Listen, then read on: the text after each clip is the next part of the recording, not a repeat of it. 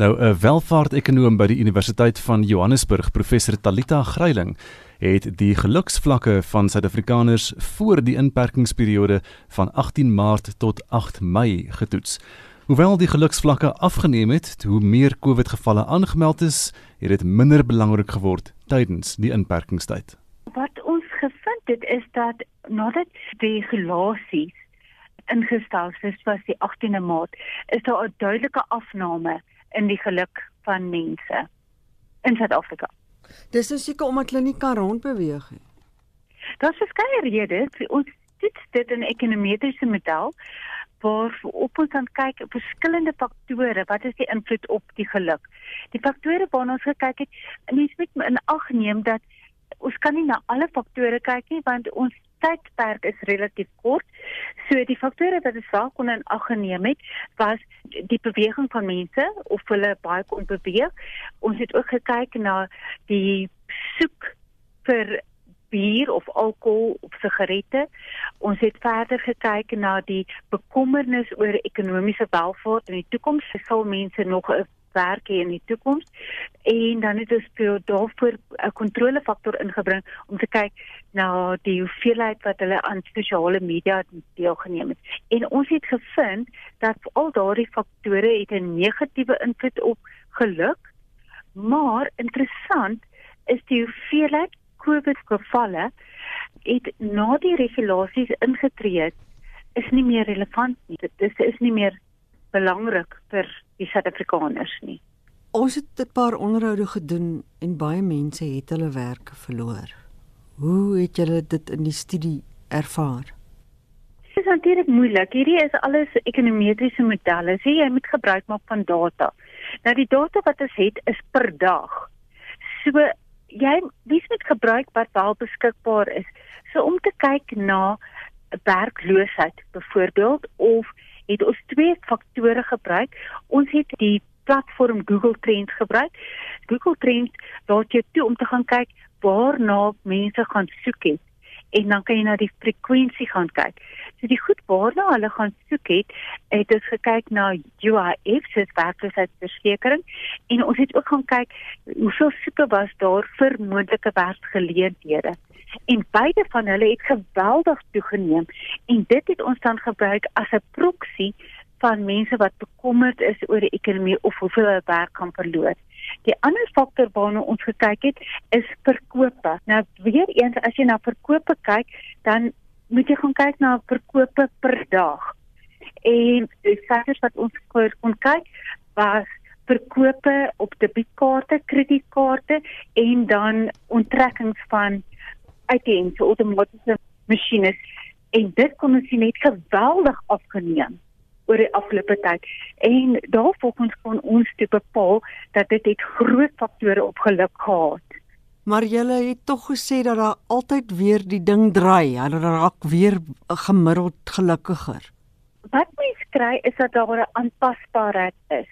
Maar die aanpasbaarheid van mense is moontlik na 'n laer gemiddeld as van tevore. Wat ons wel gedoen het is ons het gaan kyk wat was die geluksvlakke in 2019 en die gemiddelde geluksvlakke was 6.35. En dit ons gaan kyk wat is die waarskynlikheid dat ons weer op daai geluksvlakke kan kom. En ons het gevind dit is maar hier om en by 27-28% dat Suid-Afrikaners in 2020 op dieselfde geluksvlakke kan kom wat hulle was in 2019. Wat gaan julle nou doen? Gaan julle want ons is maar nou in vlak 4, gaan julle voort met die studie? Ons gaan voort met die studie. Op die oomblik ons gebruik werklike tyddata. So jy kan kyk op 'n webwerf met die naam van Gross National Happiness. Dit is hier in hall.today. En daar kan jy sien ons meet die geluk van die land teen werklike tyd met 'n uur vertraging en ons studie is voortdurend. So ons kyk regdeur Natuurlik kan ons op die stadium net kyk na data se verses wat ons het, so die data wat is op die oomblik gebruik in studie is dit op die 8de Mei. Maar dit is eintlik baie goed want dit is 3 dae gelede. En daar was nie van die vorige studies wat so vinnig kan die effek gee van wat in 'n ekonomie gebeur nie. Hierdie is een van die eerste studies van sy soort en ook wêreldwyd 'n bydrae tot die metodologie wat in ekonomie gebruik word. Professor Talita Greilinge, welvaart-ekonoom by die Universiteit van Johannesburg, wat met Mitsi van der Merwe gepraat het. Terug na ons uh, tabakstorie. Die tabakbedryf is besig om met die regering gesprek te voer oor die verbod op tabakverkoop. En nou die bedryf se aanslag is om konfrontasie met die regering indien moontlik te vermy, so sê 'n raadgewer van die tabakbedryf van Suider-Afrika en direkteur van Limpopo Tobacco Processors, Francois van der Merwe, wat self met met tabakboer. Goeiemôre. Môre Anita. François, ons het nou voorheen gepraat en toe het jy nog geluister na 'n onderhoud wat ons gevoer het met die regskenner professor Llewellyn Kaloos en sy raad was sleep die regering hof toe. Nou dis die raad wat hy vir julle gegee het. Ons het nog met jou gepraat. Gaan julle dit uh, gaan julle dit doen of nie? Jy was destyds onseker. Wat is julle posisie nou? Anita baie dankie. Ja, ons het uh, na sy raad geluister. Ons het dit baie sterk oorweeg en inteendeel uh, was daar 'n poging gewees om uh, die regering onder druk te probeer plaas deur 'n aanvanklike ultimatum uh, te stel en uh, indien hulle nie daarbey sou hou nie dat ons dan die uh, saak in die hof sou toets. Uh, maar daar het 'n paar verwikkelinge gebeur Anita en uh, ons het uiteindelik 'n baie sinvolle besluit geneem uh, na my mening om nie swaarde te kry met die regering op die stadium nie. Ons sien dat Afriforum of Solidariteit ehm um, het al 'n bloedneus gekry in die hof. Ons sien die moslems het 'n bloedneus gekry.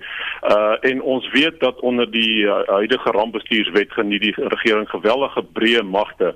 So as 'n mens gronde het om wel hof toe te gaan, is daar maar 'n 50-50 kans dat jy in elk geval gaan wen en sou jy verloor in die hof dan dink ek is 'n mens net slegter af uh in hierdie tyd. En kan jy die regering as hy 'n hofuitspraak in sy guns het kan hy die bedryf net verder kastei. Ons het gesien dat die laaste paar dae het die vroue liga van die ANC, die jeugliga, die veterane, die MK veterane, selfs die EFF het almal sterk uitgekom in die publiek dat hulle ondersteun die verbod uh, na die flip-flop wat die regering gemaak het. Ons het gesien die president het uitgekom en gesê hy staan by die kabinet. So as die regering saam staan oor hierdie ding, dan moet 'n mens baie mooi dink voor jy swaarde kry want sou jy verloor, is jy net slegter af. So ons het eh, 'n uh, oorwoë besluit geneem dat kom ons onderhandel eerder met die regering. Ons dink steeds die verbod is sinneloos. Ons dink dink steeds dit is irrasioneel. Almal daar buite dink so, maar om swaarde te kry gaan nie werk nie. Hierdie bedryf is in die land omtrent van Jan van Riebeeck se dae af en ons sien ons toekoms in hierdie bedryf vir nog 'n lang tyd. Ons is op hierdie stadium word ons op ons knieë gedwing deur hierdie verbod, maar kom ons kyk of ons 'n onderhandelde skikking kan kry uh in die volgende week of 2, 3 sodat ons die skade kan herstel, dat ons werksverliese kan bekamp en dat ons kan vir langtermyn 'n uh, groot bydrae maak in hierdie land want ekonomies gesproke is hierdie uh, bedryf 'n geweldige bydrae tot die toekoms van ons land en ons land het dit bitter nodig. Nou Frans wat tabakboere mag weer hulle produkte verkoop aan die eerste verwerker en uh, vervaardigers mag van 1 Mei af weer produseer vir uitvoer. Is jy tevrede hiermee en wat beteken daardie eerste verwerker? Gustav, baie dankie. D dit is groot deurbraak as ons kyk aan die begin van die inperking was selfs boere verbied om hulle boerderye aan te gaan. Ons het uh, vir 3, 4 dae onderhandel met die regering en daarom boere kon kry om aan te gaan met hulle operasies, maar hulle kon nie hulle tabak verkoop nie. So daar was geweldige kontantvloei probleme op boere vir vir boere uh met met met potensieel groot werksverliese. So ons het uitgegaan en boere gehelp in daai tyd met noodlenings. Ons het vir uh, vir uh, daar's 200 kommersiële boere, meer as 160 opkomende boere wat dit net nie kon maak om vir 6 weke geen inkomste te hê nie. Ons het kospakkies uitgedeel, ons het uh, finansiering verskaf om te probeer die werksverliese bekamp uh, op plase. So op hierdie oomblik van 1 Mei af kan boere daarom hulle tabak lewer aan aan die eerste verwerkers is wat jy sê. Dis 'n gewellige deurbraak vir boere om ten minste inkomste te kry om hulle operasies te finansier. En dan aan die ander kant van die waardeketting kan vervaardigers van 1 Mei af vervaardig vir die uitvoermark. So dit is ook al 'n druppeltjie wat terugkom in die emmer in, maar dit beteken nog nie aksiesbelasting in die staat se kas nie. So daar's nog steeds die die die die prima mark is nog steeds die binnelandse mark. Suid-Afrikaners gebruik meer as 30 miljard sigarette per maand. Die bydrae van die uh, tabakbedryf is omtrent 1.5 miljard rand per maand wat nou van uh, die begin van die inperking af verlore gaan. Voor die inperking het die staat se reeds 10 miljard rand per jaar ten minste verloor aan onwettige handel en op hierdie stadium tel jy nog omtrent uh, 15 miljard daarby. So die verliese staan op hierdie stadium geprojekteer na 'n jaar toe meer as 20 miljard rand per maand of ons gaan na 2 miljard per maand toe wat die staat verloor. En die vraag is wat is die uh, volhou uh, volhoubaarheid hiervan en hoekom bly die regering al starrig om hierdie verbod daar te hou? Dit maak geen sin nie. Dis nie rasioneel nie. Dit is nie billik teenoor omtrent 11 miljoen tabakgebruikers in hierdie land nie. Hulle het die reg om tabak te gebruik as hulle die gesondheidsrisiko's daarvan aanvaar en eh, hierdie ding maak net dat hulle rondbeweeg en daai produkte kry en die enigste wenners is die sluikhandel. Soos ek reeds gesê het, die sluikhandel maak miljarde vir hulle self. Verbruikers moet rondbeweeg. Dit beteken inperkingsmaatreëls word oorskry. Die staat verloor, uh, die waardeketting verloor uh en dit dit verhoed ons om meer werk te skep in hierdie land wat op hierdie stadium absoluut krities is. Franco het nou verwys na 'n druppeltjie terug in die emmer en spesifiek gepraat van die uitvoermark. Hoe groot is daai mark? Wel uh Anita uh Suid-Afrikaanse vervaardigers vaar uit uh, uh, voer uit na omtrent 12 tot 15 lande uh in Afrika, die Midde-Ooste, uh en dit wys vir jou dat op hierdie stadium uh word dit die lewensaar en dit wys vir jou dat die lande waar daarna uitgevoer word, meeste van daai lande het ook inperkings, maar hulle het nie verbod op tabak nie, anders sou mense nie kon uitvoer nie. So weer eens moet 'n mens die vraag vra, hoe sinvol is dit vir Suid-Afrika om amper enig in sy soort te wees om die verbod op tabakprodukte in plek te hê gedurende 'n lang lang periode van inperking?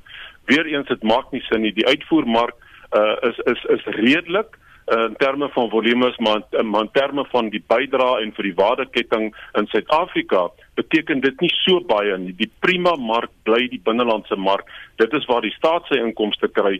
Dit is waar boere hulle geld vandaan kry vir die vir die plaaslike mark en ons moet onthou ons praat hier van regtige waardeketting 200 360 boere uh, groot en klein 8000 werkers op plase, meer as 30000 afhanklikes, 500 werkers in primêre verwerking, 2000 werkers in fabrieke.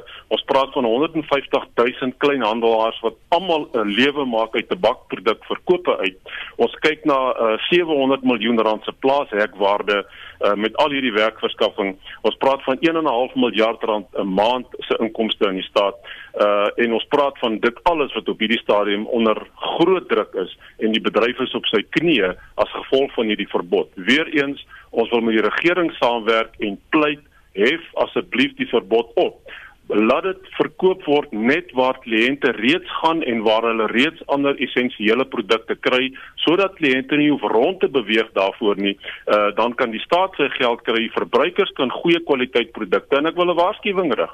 Ek verstaan dat onwettige produkte al tot R90 'n pakkie kos hmm. waar dit in die verlede R10 was. As ons dink dat R20 'n pakkie alleen is belasting en hierdie sluikhandel betaal nie belasting nie dan moet jy weet hoeveel geld stoot ons in die sakke van van die sluikhandelaars in terwyl die staat verloor en dis ongereguleerde produkte en verbruikers wat hierdie goed koop weet nie eers wat hulle rook nie. Hulle weet nie wat is die kwaliteit nie. Die wettige bedryf se produkte voldoen aan geweldige hoë kwaliteitstandaarde. Dis van die beste in die wêreld. Ons boere is van die beste in die wêreld. So ons vra vir die regering help ons omarm ons om ook julleself te help want ons help mekaar in hierdie stryd van die virus. Ons kan saamwerk om hierdie virus te bekamp, maar moet dan nie 'n produk soos tabak ver, ver, verbode maak uh en en en en irrasioneel maak uh, en net verloorders skep in die proses behalwe vir die sluikhandel. Frans, maar daar is 11 miljoen tabakgebruikers in die land en soos jy nou verduidelik het, baie van hulle wend hulle nou tot die sluikhandel wat julle wettige bedryf seermaak. Kan jy 'n bietjie verduidelik hoe werk hierdie onwettige bedryf? Waar kry hulle die, die tabak vandaan? Kom dit van julle plase af ook? Gustav is 'n uitstekende vraag en weer eens kan ons met baie uh, groot autoriteit sê en ons is trots daarop dat Suid-Afrikaans geproduseerde tabak beland nie in die sluikhandel nie. Ons het 'n wettige waardeketting wat uh, soos ons noem seed to smoke. Met ander woorde van die saadjie wat die boer saai tot op die rak van die kleinhandelaar en ons kan rekenskap gee van elke kilogram tabak wat in Suid-Afrika geproduseer word en dit gaan nie in die sluikhandel in nie. Die laaste navorsing wat ons gedoen het deur Ipsos uh, 'n jaar en 2 jaar gelede het gewys dat die meeste produkte wat onwettig is in Suid-Afrika word binne in Suid-Afrika vervaardig deur plaaslike vervaardigers wat nie 'n kilogram tabak in Suid-Afrika koop nie, maar daai tabak kom van buite af. So weer eens is dit nie ondersteuning vir die plaaslike bedryf nie, maar in hierdie inperking sien ons nou behalwe vir plaaslik geproduseerde produkte sien ons ook uh produkte wat inkom van van ander lande af wat gesmokkel word oor grense heen. Ons sien produkte wat ons nog nooit voorheen op die mark gesien het nie, want die mense weet, die sluikhandel weet, daar's 'n verbod op produkte in Suid-Afrika en dit is 'n ideale geleentheid vir die sluikhandel om te floreer. Hulle het gesofistikeerde distribusiekanale. Hulle sal die produk in Suid-Afrika kry want hulle weet verbruikers wil dit hê en hulle gaan dit kry en hulle is bereid om op die swartmark onrealistiese pryse daarvoor te betaal tot nadeel van almal. Jy het nou verwys na 8000 werkers in die tabakbedryf. Van die vervaardigers sit nou al 7 weke lank sonder 'n inkomste, maar ek weet hulle het probeer om hulle arbeiders te behou of hoe François? Ons probeer alles in ons vermoë doen want ons sien hoe bloei ons land werksgeleenthede by die dag. Ons kon gelukkig deur ons boere by te staan in hierdie tyd uh so ver werksverliese op die plase bekamp en boere kan daarom nou weer tabak lewer. So dit is daarom een regmerkie. Vervaardigers sit nou al vir 6, 7 weke sonder 'n sent se inkomste want wettige vervaardigers sal nie die wet oortree nie. Maar dit raak nou 'n krisis want hoe is gaan 'n maatskappy vir 6, 7 en moontlik 8, 9 weke sy werksmag behou sonder 'n sent uh, se inkomste. So Anita dit raak absoluut krisis 'n uh, krisis en daarom doen ons 'n beroep op verbruikers en ons dank verbruikers vir hulle stemme op sosiale media, uh mense, uh, ekonome, kommentators, die media almal uh plaas druk op die regering en dit moet voortgaan want dit is in good faith soos ons sê dat ons saam met ons regering moet werk om hulle te help om die virus te bekamp A maar B ook die ekonomie nie ten gronde te laat gaan deur nog verdere werksverliese nie. So dit kan nie veel langer aanhou uh nie voordat daar ook in ons bedryf gewellige werksverliese gaan wees, belastingverliese, uh uitvoerverliese en dit is net 'n verloor verloor situasie. So ons moet die regering kry om hierdie verbod op te hef en ons hoop ons gaan vinnig 'n antwoord daaroor kry. Nou François Frans, wat jy sê dat jy wil met die regering praat, is hulle ontvanklik vir julle? Wie in daardie nasionale bevelsraad praat met julle en wat sê hulle vir julle? Gustav, dis bitter moeilik om met die regering te onderhandel in hierdie tyd van virtuele vergaderings en van 'n krisis in die land en van 'n pandemie uh en van 'n agenda wat gedomeineer word deur gesondheidsaspekte en ons respekteer dit en ons aanvaar dit maar ons sien dat die ekonomie op hierdie stadium na ons mening uh moontlik nie genoeg aandag kry nie uh en dat die ekonomiese konsekwensies later dalk groter kan wees as die konsekwensies uh van van, van die virus.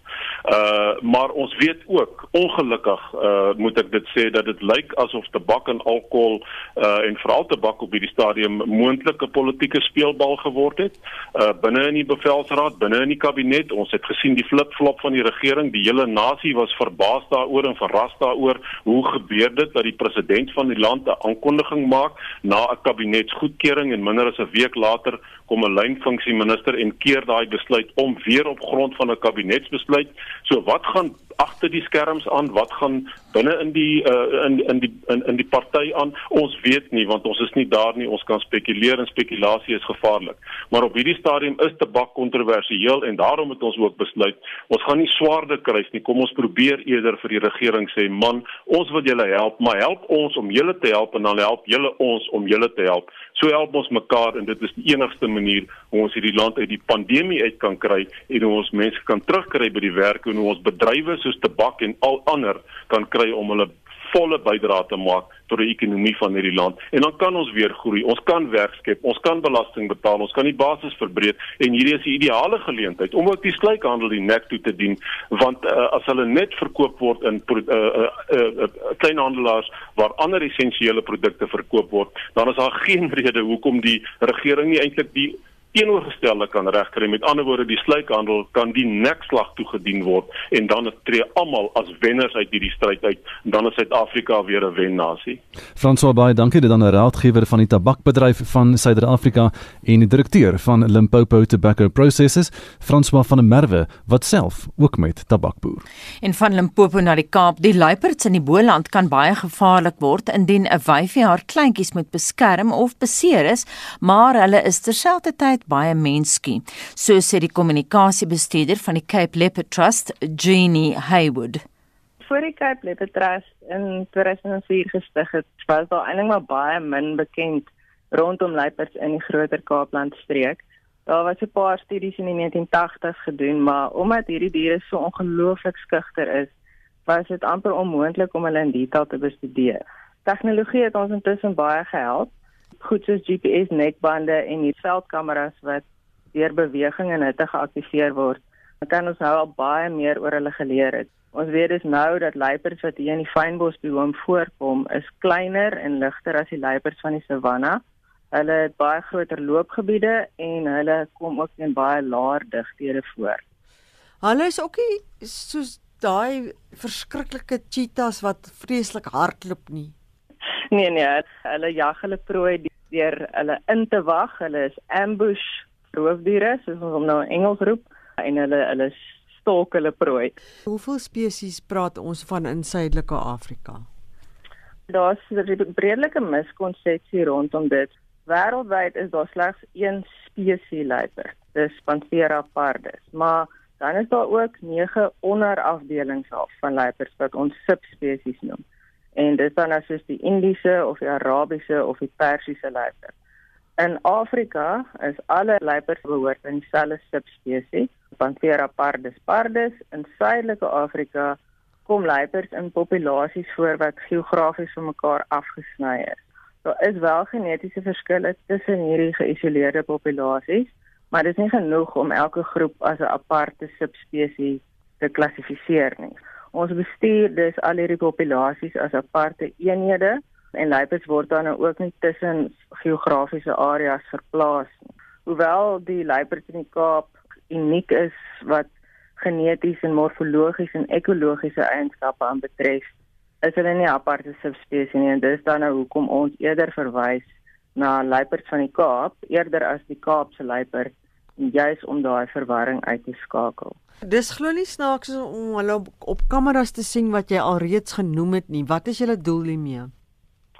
Ja, oor die afgelope 15 jaar het die Cape Leopard Trust as ook dan nou verskeie privaat grondeienaars al soveel honderde kameras eintlik op honderde plekke reg oor die Kaapse berge uitgeplaas en op hierdie manier het ons al 'n baie groot database van luiperdsfoto's bymekaar gemaak. Luiperds kom natuurlik hier in die berge voor Hulle beweeg wild en sonder grensdrade rond en dit is glad nie vreemd om luiperdsfoto's te kry sê maar in die berge bokant dorpe soos die Parel of Stellenbosch in Grabouw nie. Die doel van die kameras is dan nou natuurlik om meer te leer juis oor luiperds wat hier voorkom. Wat is wel uitsonderlike gevalle in die waarneming van die skaarsdiere?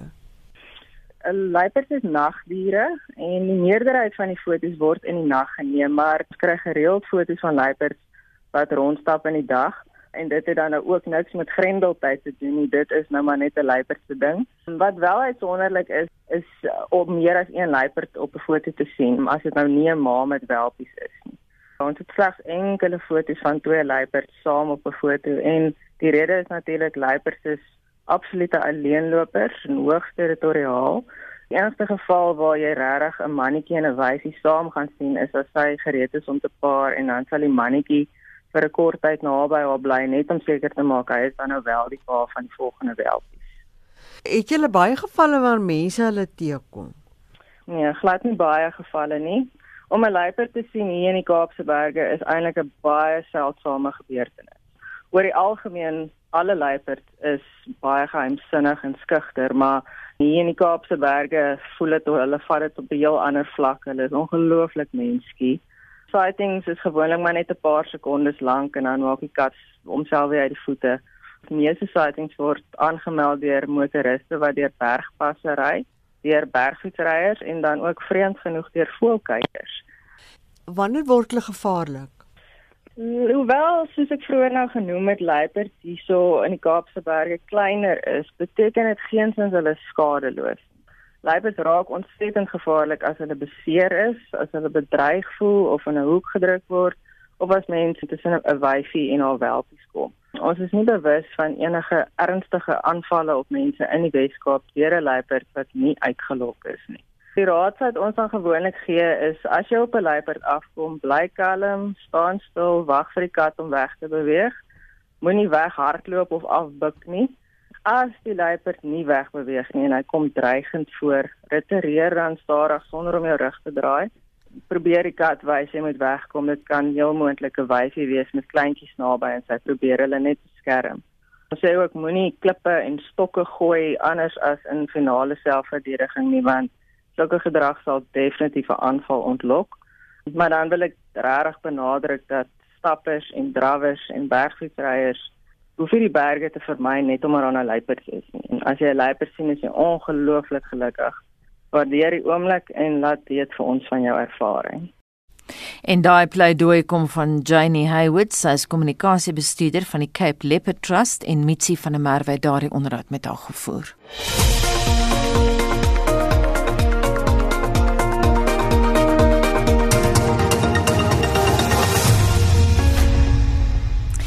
Verskeie organisasies wat met dwelm afhanklik is werk, sê die verbod op die verkoop van tabak en alkohol is nie 'n goeie idee nie. Kenners sê die skielike staking van byvoorbeeld drankverbruik kan tot intense onttrekkingssimptome lei. Nou die Suid-Afrikaanse Drug Policy Initiative bywer om al jare lank vir die wettiging en regulering van 'n verskeidenheid dwelmmiddels en ons praat nou met professor JP van Niekerk, stigterslid van die inisiatief, voorheen ook dekaan van die mediese fakulteit by die Universiteit van Kaapstad en besturende redakteur van die Suid-Afrikaanse tydskrif vir geneeskunde. Goeiemôre. Goeiemôre en baie dankie vir die uitnodiging. Nou Suid-Afrika se land beweeg eintlik al lank op die pad na wettiging. As ons kyk na die gedeeltelike wettiging vandag op byvoorbeeld wat nou nog in wetgewing gestalte moet kry. Hoe sien julle die instel van hierdie regulasies teen tabak en drank? Ja, as uh, om dieselfde ding te herhaal en 'n ander uitkom uitkomste verwag is waansinnig. As ons kyk na die lesse van geskiedenis, uh, dan het uh, Churchill die uh, verbod op alkohol in Amerika gekenmerk as 'n belediging van mensdom in die hele geskiedenis. En ons het ons eie skandelike verbod op alkohol ge gebruik gehad uh, wat verorden is is is in uh, 1927 En die gedagte was om alkohol gebruik te verbied vir swart mense in ons land. Uh, uh om die sogenaamde uh, sogenaamde wit alkohol te verbied. Maar dit het gelei tot die ehm um, uh, tot misdaad en onwettige verkope van drank, tuisbrouwerye en smokkelbendes, korrupsie van politici en van die polisie. Stem jy saam met die redes wat die departement van gesondheid aangevoer het vir die verbod? Hulle het gesê mense in townships deel sigarette. Nou ons het baie sterk kommentaar daarop gehad deur Max de Pre op monitor wat gesê dis absoluut twak. Hulle gaan nie ophou om sigarette te deel nie. Hulle gaan net slike sigarette koop. Ja, nee, dit is eh uh, Max is heeltemal reg want al hierdie ehm um, die verbod lei tot bendes en uh, en smokkel en korrupsie en dit, daar is bewyse dat sigarette maklik beskikbaar is maar teen uh baie verhoogde pryse en en dit affekteer die arm gemeentes wat die ergste ergste daardeur benadeel word. Hoe voel, hoe kom voel julle die verbod moet gelig word? Nou, uh, ons moet onder normale omstandighede leef. Die oorgrootste meerderheid geniet 'n matige ge gebruik van drank uh, en en sosiale gebruik van alkohol. En die wat dit ehm um, uh, oormatig gebruik, kan dit in elk geval kry. So daar is 'n uh, uh, mens plaas uh, plaas dan die regulering van die gebruik van alkohol en sigarette in die hande van die bendes en uh, en ander kriminele elemente. En en die staat uh, lei geweldige verliese van inkomste en belasting uh, op 'n tyd wanneer dit brood nodig is. Ons sien ook baie op sosiale media dat mense onwettig drank stook. Trouens noudig het 'n ontleder by PSG vir ons gesê pineappelverkope het die hoogte ingeskiet want ons weet baie mense maak tuis pineappelbier. Is jy bekommerd oor daai drankstokery? Ons het reeds gesien dat in Limpopo het dit die lewens geëis van 'n egpaar. Ja, die uh, tuisbrouwerye waar mense ekstra skop wil kry voeg mense allerlei ander goed daarbey en dit kan uh, neuwe effekte hê. Nou eh, die maatskaplike dimensie van drankmisbruik natuurlik hier in Suid-Afrika met die met die twee Suid-Afrikas waarmee ons saamlewe. Dis waar hierdie die, die, die, die regering vandaan kom met die nasionale bevelsraad en die, want hulle sê die ongevalle afdelings van die hospitale is nou leeg oor die naweke. En nou is die beddens en die personeel beskikbaar om te kan help in die stryd teen COVID-19. Help dit hulle? Uh, ja, kyk, die uh, dit word toegeskryf deur verskeie mense aan die aan die uh, verbod op alkohol, maar daar is geen bewys dat alkohol minder gebruik word nie. So die inperking self is waarskynlik die belangrikste rede dat daar nou minder ongevalle is en veral met motors en so aan wat uh, waar daar soveel minder motors op die pad is. Baie dankie. Ja. Die inperking self is waarskynlik die belangrikste uh oorsaak van die minder uh uh gevalle by die ongevalle departemente. Baie dankie professor JP van die Kerk, stigterslid van die inisiatief en voorheen ook 'n dekaan daar by die Universiteit van Kaapstad. Jy luister na Monitor op RSG nou so 17 minute voor 8 en is tyd vir wêreldnuus. Estie de Klerk kyk na vanoggend se internasionale nuus en ons begin in die FSA waar president Donald Trump veiligheidsmaatreëls by die Withuis verdedig het na 'n personeellid van adjunkpresident of visiepresident Mike Pence en ook 'n lid van Trump se motorbestuurder personeel uh, positief getoets het vir COVID-19. Estie Ja, Gustaf, dis nou verpligtend vir alle withuispersoneel om te alle tye maskers te dra behalwe wanneer hulle by hulle lessenaars op veilige afstand van mekaar sit en werk. By 'n media-konferensie gister in die Withuis se Roostuin het Trump egter sonder 'n masker verskyn. Hy sê hy het nie nodig om 'n masker te dra nie omdat hy 'n goeie afstand van almal rondom hom handhaaf. Trump het gesê daar stroom daagliks honderde mense na die Withuis en hy dink hulle doen 'n baie goeie werk om die verspreiding van die koronavirus onder beheer te hou. Die dodetal in Amerika het nou 80000 verbygesteek. Trump sê die Amerikaanse ekonomie is reeds besig om terug te keer na normaal nadat mense onlangs begin het om terug te keer werk toe. En Trump het gesê meer as 11 miljoen koronavirustoetse is reeds in die VSA gedoen meer as in enige ander land in die wêreld en 11 miljard rand is ook nou beskikbaar gestel aan individuele deelstate om meer toetse te kan doen.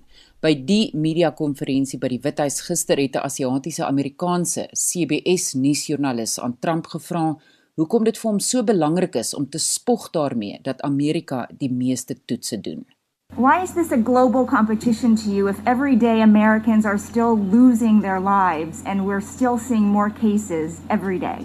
Well, they're losing their lives everywhere in the world. And maybe that's a question you should ask China. Don't ask me, ask China that question, okay? When you ask them that question, you may get a very unusual answer. Yes, behind you, please. Sir, why are you saying that to me specifically? I'm telling you. I'm not saying it specifically to anybody. I'm saying it to anybody that would ask a nasty question That's like that. That's not a nasty Please question. go ahead. Ladies and gentlemen, thank you very much. Appreciate it. Nou van die FSA verskuif ons die fokus na Europa waar die Britse eerste minister Boris Johnson sy regering se planne om die afsonderingsmaatreëls in Engeland op te hef verdedig het. En dit kom te midde van beskuldigings dat die opheffing van die maatreëls verwarrend is, is dit?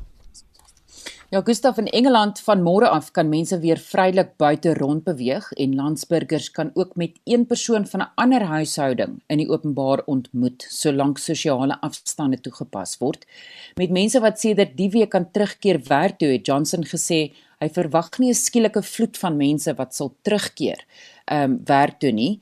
Maar kom ons luister nou na sy antwoord op 'n joernalis se vraag oor hoekom die regering se verslappingsmaatreëls vaag blyk te wees. It's when you come to, to take small steps back to normality, as we are now, that clearly the message becomes finer, uh, more complicated. Vroeger was daar ook heelwat vrae van lede van die parlement. Johnson het volgehou die verslappingsmaatreëls is nie ingewikkeld om te verstaan nie, maar oppositieleiers soos die publiek wou meer duidelikheid hê. Hier is oppositieleier uh, oppos oppositieleier, ekskuus tog Sir Keir Starmer. What the country needs this time is clarity and reassurance. And at the moment both are in pretty short supply.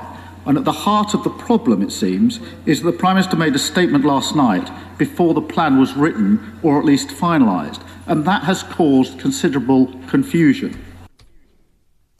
Die regerings in Wales, Skotland en Noord-Ierland hou egter vol dat mense eerder tuis moet bly, Gustaf. En dit was dan Estie de Klerk met vanoggend se wêreldnuus. En nou nuus van 'n heel ander aard. 'n Skildery deur die bekende kunstenaar Vladimir Trechikov is gisteraand aanlyn verkoop vir 1,4 miljoen rand. Nou die skildery van die voormalige mevrou Afrika Suid Ellen Peters is in 1973 geskilder. En ons praat nou met die uitvoerende voorsitter van die afslaers Strauss & Key, Frank Kilbon. Goeiemôre. Goeiemôre Anita. Is jy gelukkig oor daai prys?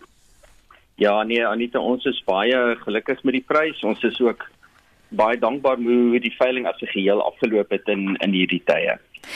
Is daai soort prys vir 'n Trechikov uitsonderlik? Nee, weet jy, uh eh, Trechikov skildery het al meer as 6-7 miljoen rand gegaan internasionaal. Was hy baie bekend en vandag is daar 'n herwaardering van sy werk. Hierdie is natuurlik 'n pragtige Suid-Afrikaanse storie op 'n manier dat Ellen nou die eintlik die respek van die mark kry wat sy verdien uh op daardie tyd en ja ons was baie tevrede en daar was 'n hele reeks eh, persone wat gebeet op hierdie spesifieke skildery. Frank en alle eerlikheid daar's baie mense wat dink dat Trechikov uiters kitsch is. Wat sê die kunskinders? Ek dink kuns gaan deur verskillende fases oor tye Anita en daar's daar's definitief 'n 'n fase in kuns wat kitsch eintlik baie belangrik was en vandag is dit besig om om 'n terugkeer te maak dink ek. Ek dink op 'n sekere manier koop mense Tresikov nie net omdat dit kitsch so te sê nie, maar koop dit omdat dit 'n bepaalde nostalgie in ons wakker maak. Baie van ons het in huise groot geword met afdrukke van Tresikov teen die mure. So ek dink uh iewers is Tresikov wel in ons kuns DNA vasgelê. Wat van afdrukke, hoeveel sou dit nou werd wees? Dit sal verskriklik afhang van die van die uh, hoeveelheid wat gedruk is, maar uiteraard van die saak is dit maar 'n fraksie van wat die oorspronklike skildery werd is. Frank het nou gepraat van die internasionale mark en Suid-Afrikaanse kunswerke. Kom ons kyk na die groot Suid-Afrikaners so Emma Stern, Walter Battis, Spierneef, Maggie Loubser. Hoe groot staan hulle internasionaal vandag? Ek dink stadig maar seker is daar 'n baie groter waardering van Suid-Afrikaanse kunstenaars internasionaal. Ek dink dit is as gevolg van ons uh, kontemporêre kuns wat wêreldwyd verkoop word, wil mense vra wat het wat het dit vooraf gegaan? Ek dink daar's ook geweldig baie Suid-Afrikaners wat uh, wat oor die wêreld bly en wat steeds Suid-Afrikaanse kuns koop en ondersteun en so mense in die buiteland blootstel aan die fantastiese kunsgeskiedenis wat ons het. So ehm um, dit was interessant op hierdie veiling van ons van wat gisterand geëindig het, het ons 'n rekord aantal uh beers gehad en ook 'n rekord aantal beers van die buiteland. So ek is bly om te sê dat Suid-Afrikaanse kuns en Suid-Afrikaanse uh, kunsprodukte al hoe meer aftrek in die buiteland kry. En vir daai kunstenaars wat ek nou genoem het, Stern, Battis, Spierneef, Loubser, wie het daar die beste gevaar in terme van prys? Ja, Emma Stern, soos altyd sê sy is 'n Suid-Afrikaanse markleier. Uh sy het gisterand weer uh baie goed gedoen. Ons het twee skilderye, is te lewe met uh tierlelies het ons verkoop uh, op die hamer vir 13 miljoen rand en 'n Zanzibar Arab eh uh, uh, Arab priest wat algemeen erken word as een van haar beste periodes eh uh, van 1945 het ons vir 10 miljoen rand verkoop. So dit was uiteraard die twee ligpunte van die veiling eh uh, uit 'n prysoogpunt. Alexis Preller soos altyd het baie goed gedoen. Eh uh, Space Angel wat 'n baie baie interessant en 'n dinamiese en 'n baie kleurvolle skildery is, is vir 5 miljoen verkoop en die kraal 'n pragtige tegniese werk wat amper 'n samevatting van 'n hele sy hele oeuvre is, is vir net oor 1.5 miljoen rand verkoop. So ons eh, die erkende markleiers het definitief gisterand wêreldkant gebring om van die veiling 'n sukses te maak. Frank, ek het so 3 jaar gelede 'n onderhoud gedoen met Christie's in Londen en vir hulle gevra wie is die groot kopers wêreldwyd, wie die groot geld en toe het hulle gesê die Russe. Het daai prentjie verander? Ek sou nie ek dink internasionaal, miskien is Suid-Afrika dit uit die aard van die saak nog nooit 'n faktor gewees nie. Ehm um, ek sou sê dit baie interessant vir ons Uh, ons eerste sessie was Sondag oor wyn wat ons nou eers na die inperking kan aflewer en ons het 100% van die wyn wat ons aangebied het verkoop. Wat uh, wat uh, eintlik merkwaardig in hierdie tyd is. En uh, ons was baie bly om te sien dat daar baie 'n beduidende hoeveelheid buitelanders van reg oor die wêreld is wat begin om ons Suid-Afrikaanse wyn te koop. Ehm um, in totaal dink ek was amper 40% van die mense wat geregistreer het vir hierdie veiling was van die buiteland en ek moet sê 'n groot deel daarvan in ons geval kom nog steeds uit ons tradisionele markte soos uh, Engeland, Amerika, Duitsland, Holland ensovoorts. Uh, maar ja, ook baie kopers uit die ooste. Internasionaal is dit niks snaaks om uh, skilderye aanlyn op te veil nie. Ek dink nou na wat in Londen gebeur en natuurlik in Genève. Is dit die eerste keer dat dit egter in Suid-Afrika gebeur het?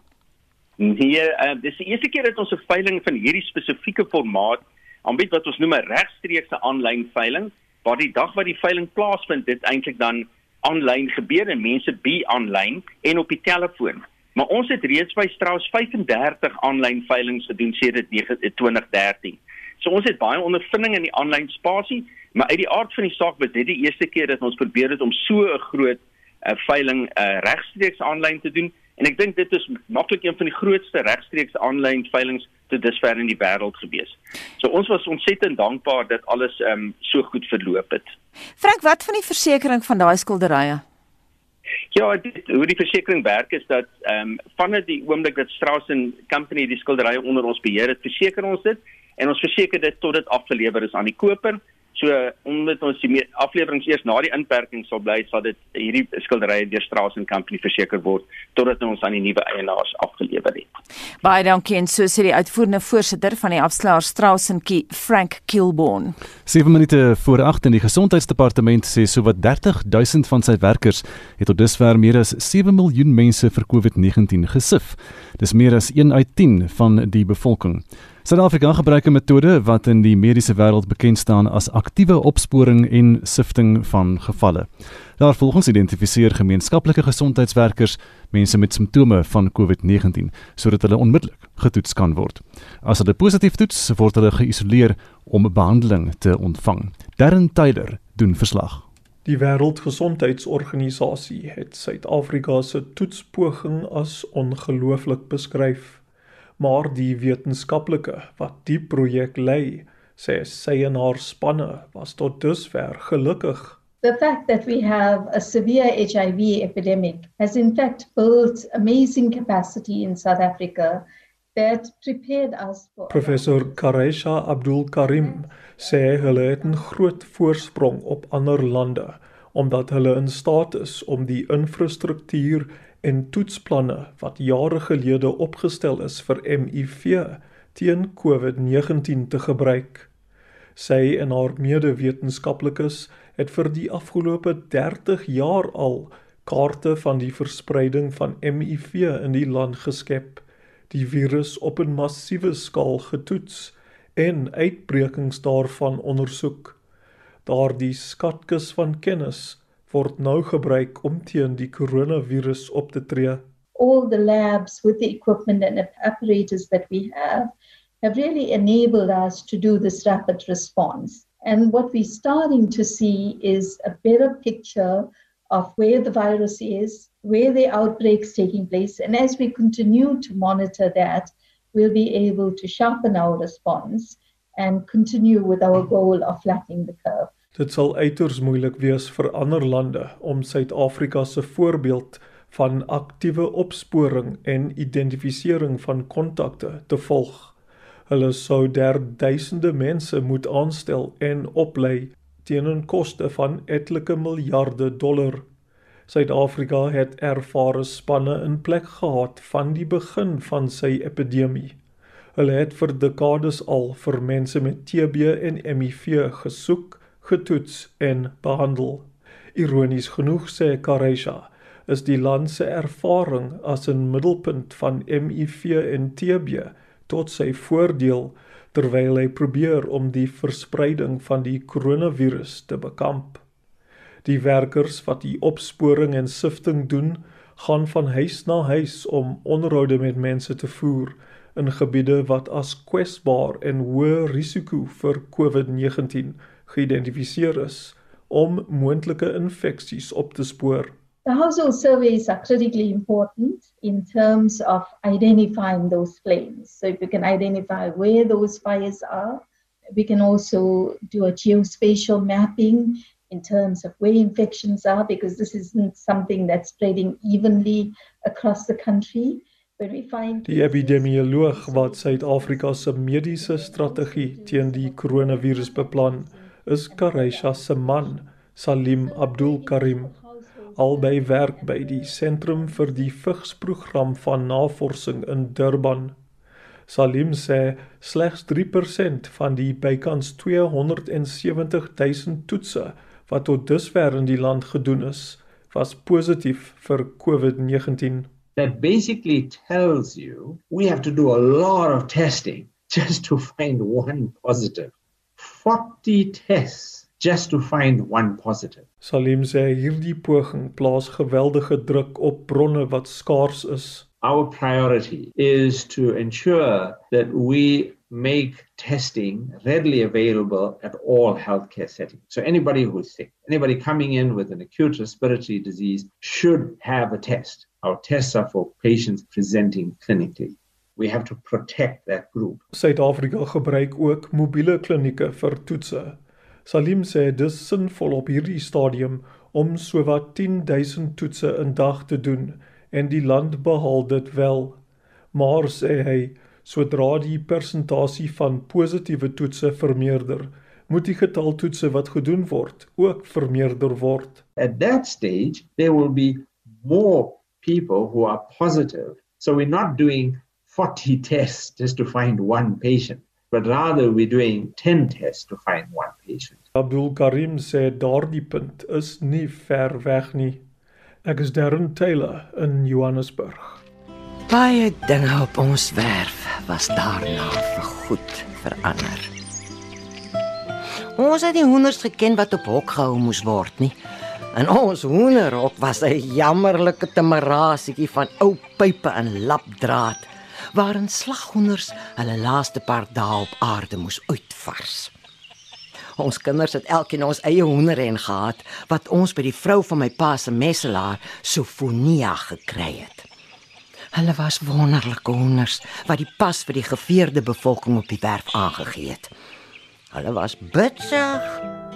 Lekker aardse koekemakranka kosgoed vir die siel. Dit is hoe die dramaturg Nico Loos die solostuk My Mense deur Dot Serfontein beskryf het. Kom luister na Antoinette Kellerman in hierdie kragtoer op Donderdag aand 14 Mei om 8uur in Radioteater. En net voor ons klaarmaak vandag hoor ons by ST hoe lyk die Spectrum dagboek vir later vanmiddag.